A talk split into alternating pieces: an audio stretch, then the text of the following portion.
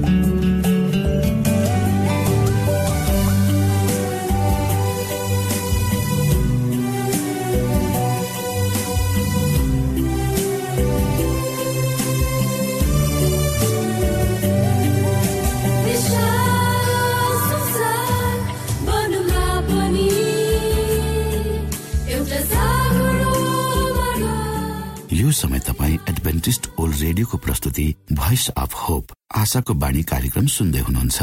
श्रोता मित्र यो समय हामी पास्टर उमेश पोखरेलबाट आजको बाइबल सन्देश सुन्नेछौ। श्रोत साथी न्यानो अभिवादन। म तपाईँको आफ्नै आफन्त अर्थात् पास्टर उमेश पोखरेल। परमेश्वरको वचन लिएर यो समय तपाईँहरूको बीचमा यो रेडियो कार्यक्रम मार्फत उपस्थित भएको छु। मलाई आशा छ तपाईँका जीवनका सम्पूर्ण पक्षहरू परमेश्वरको अगुवाईमा ठिकठाक रूपमा अगाडि बढ्दैछन् तपाईँले परमेश्वर को हुनुहुन्छ भनेर परमेश्वरसँगको आफ्नो यात्रामा उहाँलाई चिन्दै हुनुहुन्छ। तपाईँको निम्ति हामी निरन्तर प्रार्थनारत छौँ। आजको प्रस्तुतिलाई पस गर्नुभन्दा पहिले आउनुहोस् श्रोता हामी परमेश्वरमा अगुवाईको लागि बिन्ती राख्नेछौँ। जीवी जिउँदो महान दयालु परमेश्वर प्रभु हामी धन्यवादी छौँ यो जीवन र जीवनमा दिनुभएका प्रशस्त आशिषहरूको लागि। प्रभु यो रेडियो कार्यक्रमलाई म तपाईँको हातमा राख्दछु। यसलाई तपाईँको राज्य महिमाको प्रचारको खातिर यो देश र सारा संसारमा तपाईँले फैलाउनुहोस्। ताकि धेरै मान्छेहरूले तपाईँको ज्योतिलाई देख्न सक्नुहोस् र चिन्न सक्नुहोस् र तपाईँको राज्यमा प्रवेश गर्न सक्नुहोस्। सबै बिन्ती प्रभु यीशुको नाममा आमेन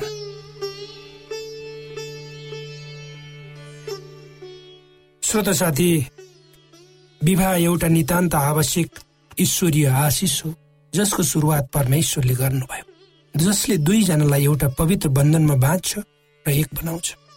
मानिस एक्लो रहन सक्दैन र एक्लै पूर्ण पनि हुँदै त्यसैले उसलाई आफ्नो जीवनको प्रत्येक पलमा एउटा अभिन्न सहयोगी चाहिन्छ। जसलाई हाम्रो बुझ्ने भाषामा अर्धाङ्गिनी पनि भनिन्छ जसको अर्थ आधा अङ्ग हो भनेर बुझ्न सकिन्छ। यो संसारको नियमलाई निरन्तर चलाउनको निम्ति पनि विवाह आवश्यक छ। अर्थात् सृष्टिलाई कायम राख्न यो नभई नहुने एउटा बन्धन हो। भनिन्छ एक भन्दा दुई असल हो किनभने तिनीहरूले आफ्नो काममा असल फल पाउनेछन्। श्रोत साथी भनिन्छ पत्नी पाउनेले असल कुरा पाउनेछ र त्यसले परमप्रभुबाट निगाह प्राप्त गर्नेछ। परमेश्वरले मानिसलाई एक्लो रहन ठिक छैन भने बुझ्नुभयो र उसको निम्ति एक सहयोगी बनाउनु भयो र मानिस आफ्ना बाबुआमालाई छोडेर आफ्नै श्रीमतीसँग मिलिरहन्छ र उनीहरू तपाईँ एकै जीवका हुन्छन् भने भनिएको छ। यो एक पवित्र बन्धन हो जसलाई वैवाहिक जीवनमा गाँसिएका सबै दम्पतिहरूले स्वीकार गर्नुपर्छ। र स्वीकार गरेका पनि छन् धेरै। जब दुई आत्मा दुई शरीर एक हुन्छन् तब त्यहाँ केही भिन्नता र फरक हुनु हुँदैन अर्थात् श्रीमान र श्रीमतीको बीचमा केही भिन्नता र फरक हुनुहुन्न भनी बुझ्नुपर्छ। दुर्भाग्यवश परमेश्वरको योजना अनुसार मानिसहरू नचलेको कारणले आज धेरै वैवाहिक बन्धनहरू टुटेका र भाँचिएका हामी आफैले देखेका र अनुभव गरेका छौँ। र यी यथार्थ पनि हुन्। सायद सुन्नु भएकै नै होला लगभग आधा जति वैवाहिक दम्पतिहरूको सम्बन्ध पार पाचुकेद्वारा अन्त्य हुने गर्दछ। यसले पति र पत्नीका साथै बालबच्चाहरूमा पनि नकारात्मक प्रभाव पार्दछ। विशेष गरी पश्चिमी देशहरूमा सम्बन्ध विच्छेद गरी स्वतन्त्र बस्ने चलनले प्रशय पाएको हामी देख्दछौँ। यसको प्रभाव हाम्रो देशमा पनि क्रमशः बढ्दै गएको देखिन्छ र अदालतहरूको आँकडा हेर्दा सम्बन्ध विच्छेदका मुद्दाहरू नेपालमा पनि वर्षौनी वर्षौनी बढ्दै गएका छन्। मलाई एउटा परिवारको याद आउँछ श्रोता। एउटा परिवारको सम्बन्ध विच्छेद भएको मैले सुने। एउटा परिवार मलाई एउटा परिवारको याद आउँछ। मैले नजिकबाट दस वर्षदेखि चिनेको एउटा परिवार जुन बेला मैले उनीहरूलाई चिने त्यस समयमा उनीहरू दुई मात्र थिए। अर्थात् पति पत्नी। दुवैजना एउटा स्कुलमा पढाउँथे सानो पसल एउटा कोठा। त्यसमा उनीहरूको जीवन सुख र आनन्दले भरिएको थियो। केही समयपछि परमेश्वरको आशिषले उनीहरूको परिवारमा एउटी छोरी जन्मिन्। उनीहरू केही समयपछि अर्कै ठाउँमा सरेर व्यापार गर्न लागे। र केही वर्षभित्रै उक्त परिवारले आफ्नो व्यापारबाट राम्रो आमदानी गर्यो र परमेश्वरले उनीहरूको जीवनमा अभावलाई हटाइदिनु एउटा कोठा लिएर डेरा गरी बस्ने एक जोडी अब फ्ल्याट लिन सक्ने भए सहरमा घडेरी जोडे बैङ्कमा पैसा जम्मा गरे र उनीहरू कि छोरी पनि रगत र मासुमा बढ्दै गइन् परिवार सुखी र आनन्दित थियो। एक दिन एउटा समाचार मेरो कानमा पर्यो कसैले मलाई भन्यो फलाना फलानाले त सम्बन्ध विच्छेद गरे चार महिना अगाडि। र अलग भएका छन् छोरीलाई आमाले सँगै लिएर काठमाडौँमा बस्न थालिन् रे। र उनको श्रीमान एक्लै आफूले व्यापार गरेको ठाउँमा छन् रे। मलाई रिस पनि उठ्यो किनकि त्यो श्रीमानले मलाई त्यत्रो घटना गर्दा पनि किन भनेन मेरो सहयोग र सल्लाह किन खोजेन? त्यसपछि दुःख पनि लाग्यो त्यो सुन्दर परिवार। दुवैलाई माया गर्दै भाइ र बहिनी भनेर मैले बोलाउने गर्थे किन टुक्रियो? मलाई जान्ने जिज्ञासा लाग्यो। तब श्रीमानलाई फोन गरे अर्थात् त्यो भाइलाई फोन गरे र आफ्नो सहानुभूति प्रकट गरे र गुनासो पनि पोखे। उताबाट जवाफ आयो परमेश्वरको इच्छा यही रहेछ म के गरौँ? मैले धेरै कोसिस गरेँ उनको खुट्टा समाए। मलाई नछोड एक्लै बस्छु भने पनि बस तर सम्बन्ध विच्छेद नगर। छोरीको लागि भए पनि सँगसँगै बसौँ। जत्तिकै कोसिस गर्दा पनि उनले मानिनन्। त्यो भाइले मलाई फोनबाट भन्यो मैले तपाईँसँग बस्दा केही पाइनँ। जीवनको अनुभूति पनि गर्न सकिनँ र म अब स्वतन्त्र हुन्छु आधुनिक बन्छु र एक्लै बस्छु। त्यो बहिनीको जवाब थियो उनको श्रीमानको श्रीमानको प्रश्न। आँखाबाट आँसु झार्दै अन्तिम पटक अदालतको गेटमा सम्बन्ध विच्छेदको कागजमा सही गर्नुभन्दा पहिले उसले अर्थात् त्यो भाइले आफ्नै श्रीमतीको खुट्टा समायो र रोयो। तर श्रीमती र उनका आफन्तहरूले उसलाई धम्काए र कागजमा उसले आफ्नो मायाको बन्धनलाई सदाको निम्ति सही गरेर अन्त्य गर्यो। अब ती दुई भिन्न भिन्नै भएका छन्। मलाई ती बहिनीसँग भेट्न मन छ र जान्ने चाहना छ किन यस्तो भयो? किन उनले त्यसो गरिन्? भनेर मौका पाएको छैन श्रोता। यो त एउटा पात्र मात्र हुन् त्यो बहिनी। तर आज यस्ता धेरै परिवारहरू छन् जोडीहरू छन् जो यी समस्याहरूबाट पीडित छन् जसको मन दुखेको छ कुँडिएको छ भाँचिएको छ। मलाई बडो दुःख लाग्यो अर्को कुराले। त्यो भाइले जीवनमा बडो दुःख र गर्यो सङ्घर्ष गर्यो आफ्नै श्रीमती सँगसँगै धन सम्पत्ति जोड्यो सबै सम्पत्ति श्रीमतीको नाममा थियो र उसले केही पनि पाएन। कस्तो विडम्बना। कस्तो स्वार्थले भरिएको मन कस्तो निठुर हृदय सँगसँगै बस्ने कसम खाएर पवित्र बन्धनमा पन्ध्रौँ वर्षसँगै बिताएपछि आफ्नो व्यक्तिगत अभिलाषाको कारण अचानक आफ्नो साथीलाई छोड। जसको जवाफ मसँग पनि छैन श्रोता।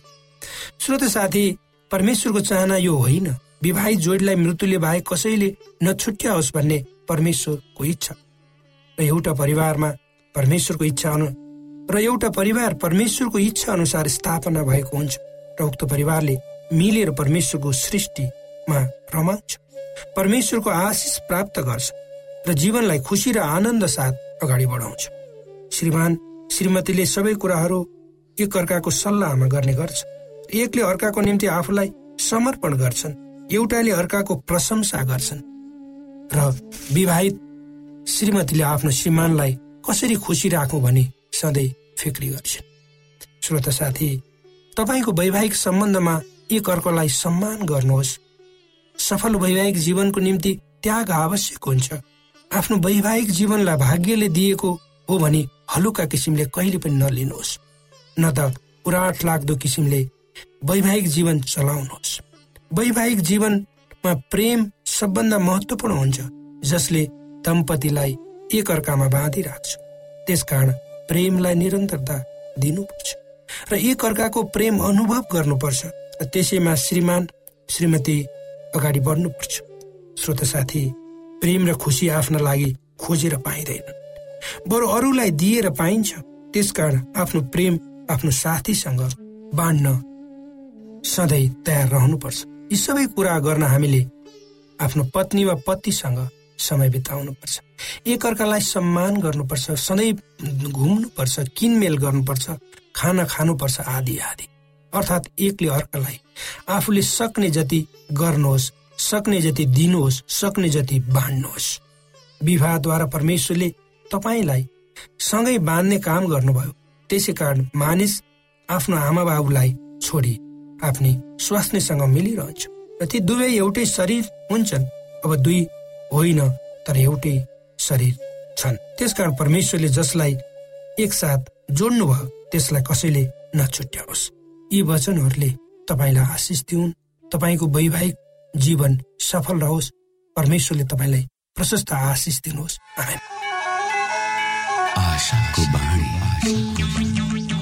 श्रोता भर्खरै यहाँले पास्टर उमेश पोखरेलबाट बाइबल वचन सुन्नुभयो। यो समय तपाईँ एडभेन्टिस्ट ओल्ड रेडियोको प्रस्तुति भोइस अफ होप आशाको बाणी कार्यक्रम सुन्दै हुनुहुन्छ। कार्यक्रम सुनेर बस्नुहुने सबै श्रोतालाई हामी हाम्रो कार्यक्रममा स्वागत गर्न चाहन्छौ। श्रोता मित्र यदि तपाईँ जीवनदेखि हरेस खानु भएको छ तपाईँका जीवनमा धेरै अनुत्तरित प्रश्नहरू छन् भने आउनुहोस् हामी तपाईँलाई परमेश्वरको ज्योतिमा डोहोर्याउन चाहन्छौ। र तपाईँ आफ्नो जीवनका चिन्ता फिक्रीबाट निश्चिन्त हुनुहोस् र बाँच्नुको आनन्द परमेश्वरको सामिप्यमा कति मिठो हुन्छ त्यो चाख्नुहोस् भनी हामी चाहन्छौँ। श्रोता यदि तपाईँ आशाको बाणी कार्यक्रमलाई अनलाइन सुन्न चाहनुहुन्छ वा डाउनलोड गर्न चाहनुहुन्छ भने डट ओआरजीमा जानुहोस्। त्यहाँ तपाईँले प्रत्येक दिनको कार्यक्रम सुन्न र डाउनलोड गर्न सक्नुहुनेछ। हाम्रो वेब पेज यस प्रकार छ डब्लु डब्लु डब्लु डट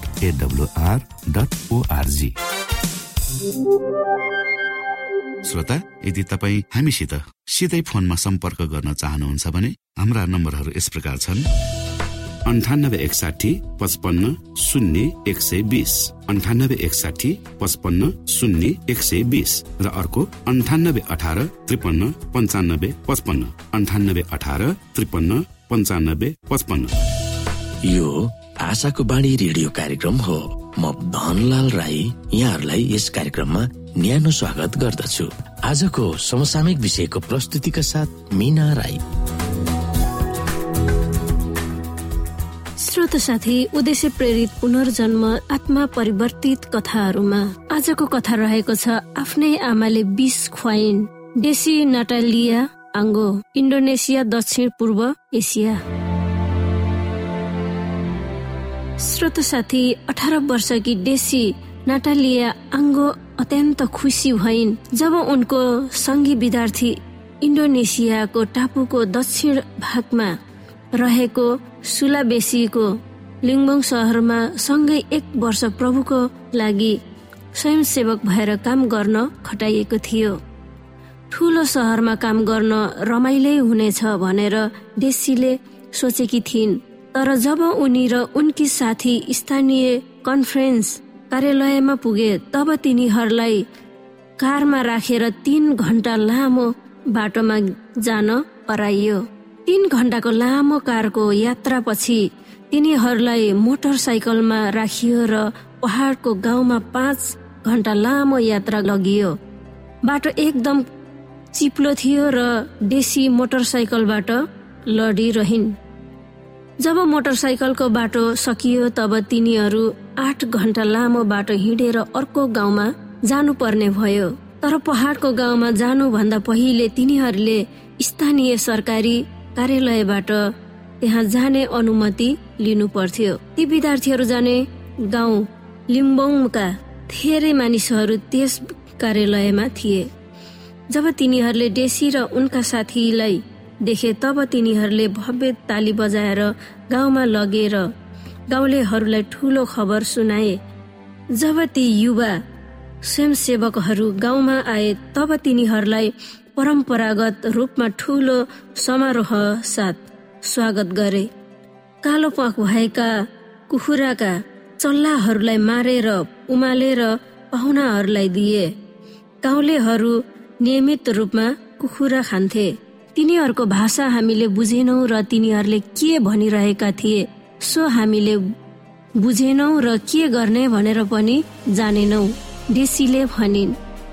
अझ यसुको प्रेम तिनीहरूलाई कसरी सुनाउने भन्ने कुरा त झन थाहै थिएन। उनी र उनकी साथी दुई दिनसम्म उपवास बसेर प्रार्थना गरे।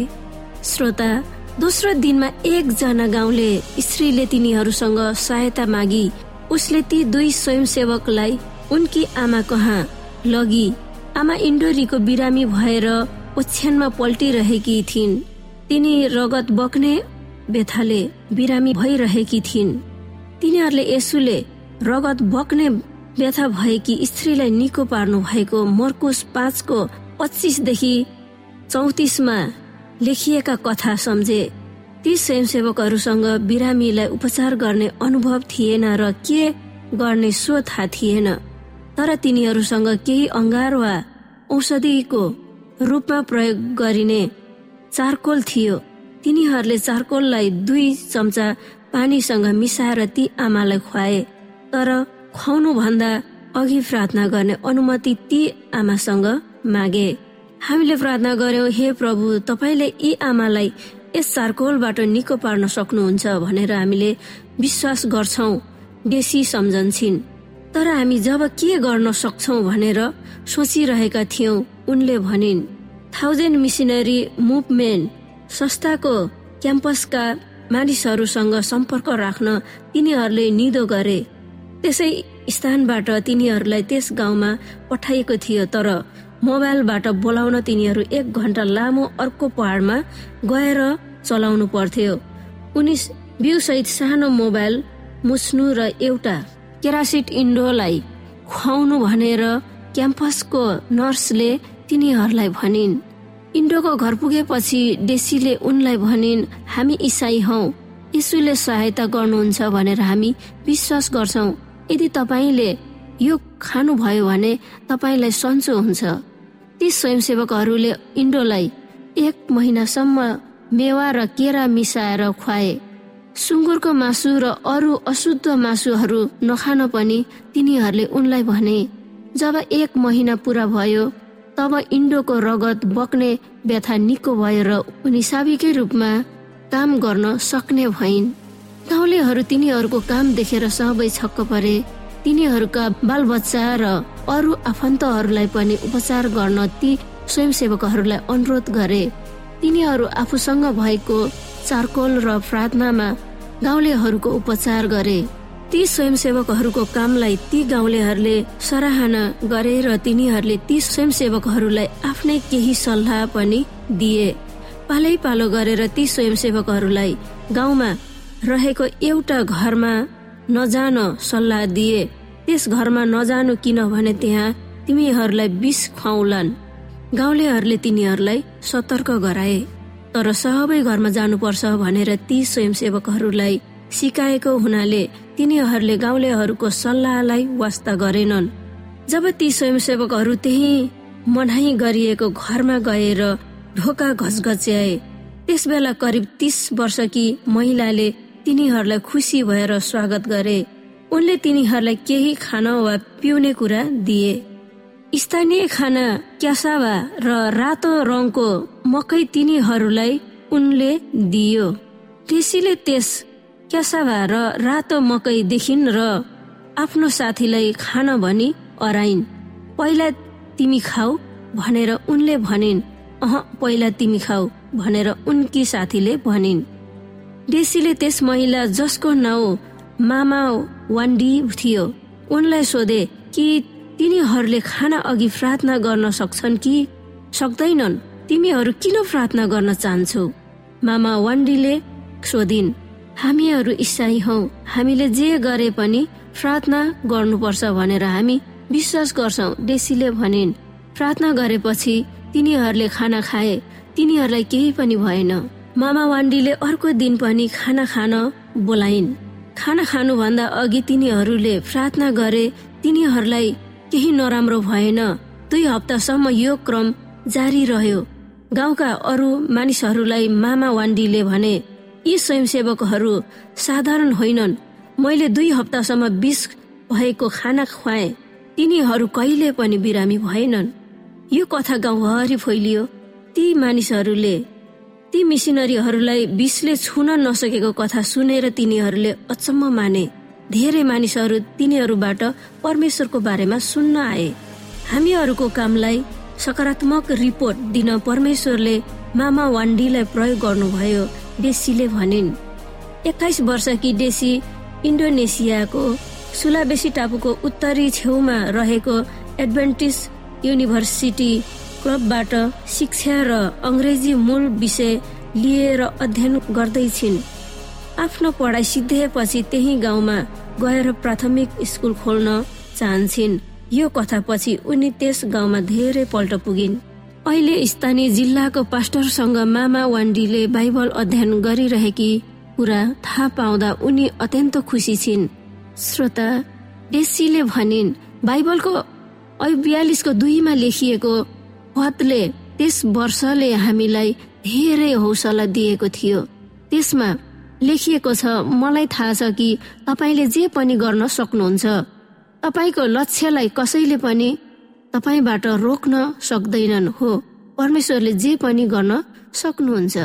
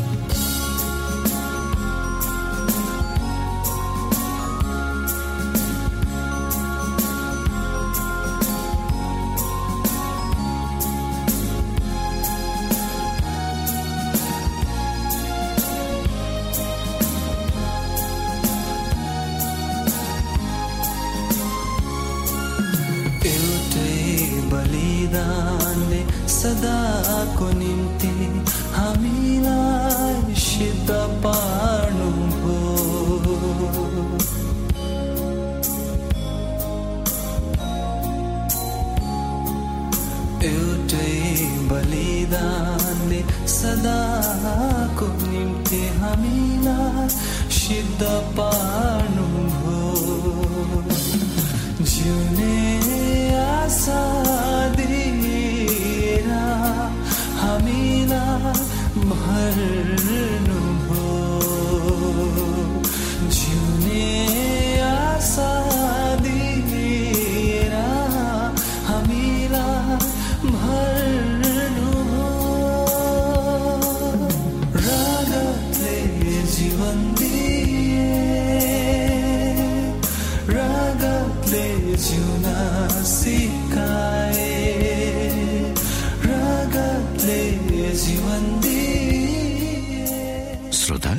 तपाईँलाई आजको हाम्रो यो कार्यक्रम शिक्षाप्रद लाग्यो र तपाईँले यसबाट विशेष अगुवाई लिन सक्नु भएको छ भने हामीले आशा लिएका छौँ। हामीसँग पत्राचार गर्ने हाम्रो ठेगाना यस प्रकार छ। आशाको बाणी पोस्ट बक्स नम्बर दुई शून्य शून्य शून्य दुई काठमाडौँ नेपाल। श्रोता यदि तपाईँ हाम्रो स्टुडियोको नम्बरमा सम्पर्क गर्न चाहनुहुन्छ भने हाम्रा नम्बरहरू यस प्रकार छन्। अन्ठानब्बे एकसाठी पचपन्न शून्य एक सय बिस। अन्ठानब्बे एकसाठी पचपन्न शून्य एक सय बिस र अर्को अन्ठानब्बे अठार त्रिपन्न पन्चानब्बे पचपन्न। अन्ठानब्बे अठार त्रिपन्न पन्चानब्बे पचपन्न। हवस् त श्रोता भोलि फेरि यही स्टेशन र यही समयमा यहाँसँग भेट्ने आशा राख्दै प्राविधिक साथी राजेश आडा पास्टर उमेश पोखरेल र कार्यक्रम प्रस्तुता म रवि यहाँसँग विदा माग्दछौ। नमस्कार।